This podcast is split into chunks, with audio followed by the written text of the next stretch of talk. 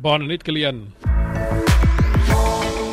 Avui un robot que dona de menjar als pacients amb dificultats de mobilitat i un altre que motiva i acompanya les persones que viuen soles? Sí, aquests són dos dels protagonistes del Congrés X-Patient sobre experiència del pacient que s'ha fet ahir avui a Barcelona i ha arribat a la seva setena edició. L'anterior, que l'any passat també vam parlar, es va dedicar a l'ús de les dades i la intel·ligència artificial per potenciar el que en diuen medicina, medicina basada en evidències, i la d'aquest any s'ha centrat en la robòtica assistencial i social per facilitar la transició dels hospitals als domicilis. Uh, com et deia, la doctora Carme Torres de l'Institut de Robòtica Industrial de l'UPC ha presentat un prototip de braç robòtic portàtil que permet que els pacients amb problemes de mobilitat als braços puguin menjar de manera autònoma. L'aparell està sensoritzat perquè la interacció sigui fàcil i segura, que és un tema, un aspecte amb el qual han insistit molt, i amb els pròxims anys diuen que esperen tenir també robots que puguin manipular roba de llit i de vestir. És emocionant veure com avança eh, en benefici d'aquells que ho necessiten la tecnologia, és per aplaudir. Absolutament, la, ciència, el que era ciència-ficció ja Exacte. comença a deixar de ser-ho. Sí. Ara és ciència sense ficció. Això. L'altre? L'altre, eh, doncs mira, eh, ha sigut Daniel Serrano, que és eh, qui dirigeix la unitat de robòtica i automatització del Centre Tecnològic Eurecat, ha presentat una solució de l'altre aspecte que et deia, acompanyament i assistència a la gent gran que viu sola.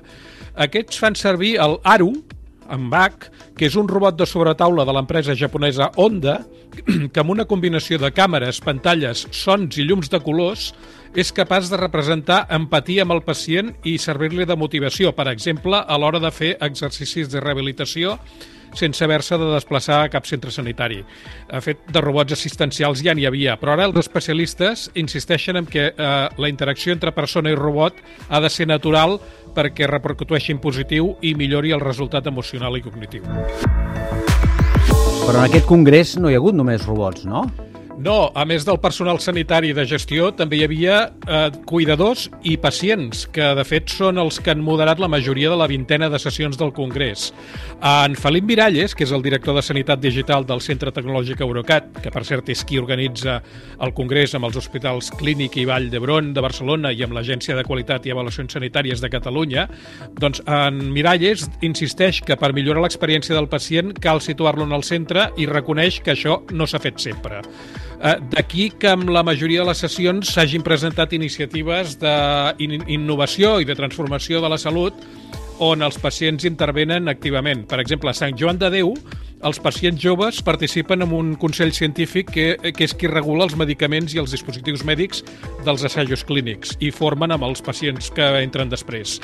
Una altra metodologia participativa és un projecte pilot que es diu endometriosi en primera persona, que és ciència ciutadana aplicada a la salut de les dones.